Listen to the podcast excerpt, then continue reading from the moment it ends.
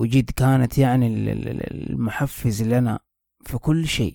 صح إنه الأم ترى تكون فرحانة كثير ومبسوطة إنه توأم لكن في الجانب الآخر ترى بتقوم بجهد كبير. شكرا أمي.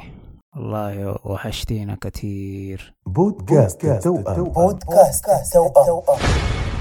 بودكاست التوأم. مستمعين الكرام أهلا وسهلا ومرحبا بكم في حلقة جديدة من بودكاست التوأم. أهلا وسهلا.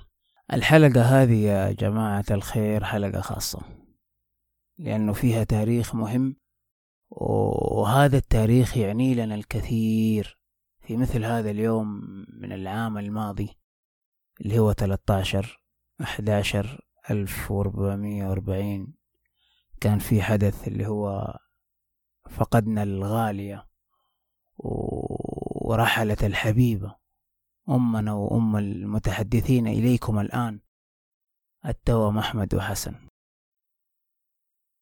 إيه لها فضل علينا كثير ولها حق. وجد كانت يعني المحفز لنا في كل شيء.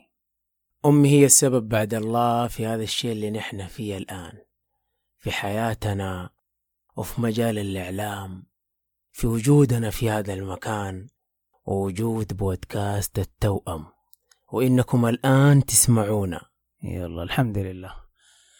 شكرا شكرا أمي. والله وحشتينا كثير.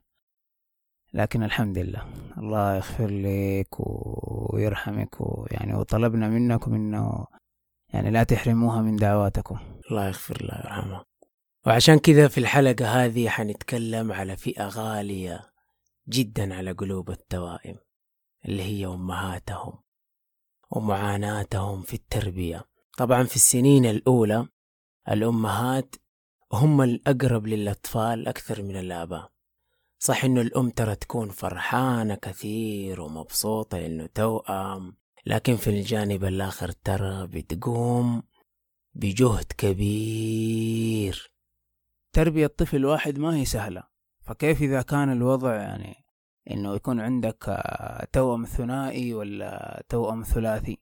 يعني عدة مهام في وقت واحد يعني هذا بيبكي وهذا يبغى ياكل وهذا يبغى ينام وهذا يبغى يلعب. أو العكس برضو إذا كانوا التوائم اللي موجودين الثنائي ولا الثلاثي يبغوا يناموا سوا ويصحوا سوا ويبكوا مع بعض ويجوعوا مع بعض يلا ويجيب لهم أكل. فالموضوع يعني حمل كبير جدا وما هو سهل على الأم. سبحان الله. وكل هذا ما شاء الله تقدر الأم تتعامل معاهم في نفس الوقت.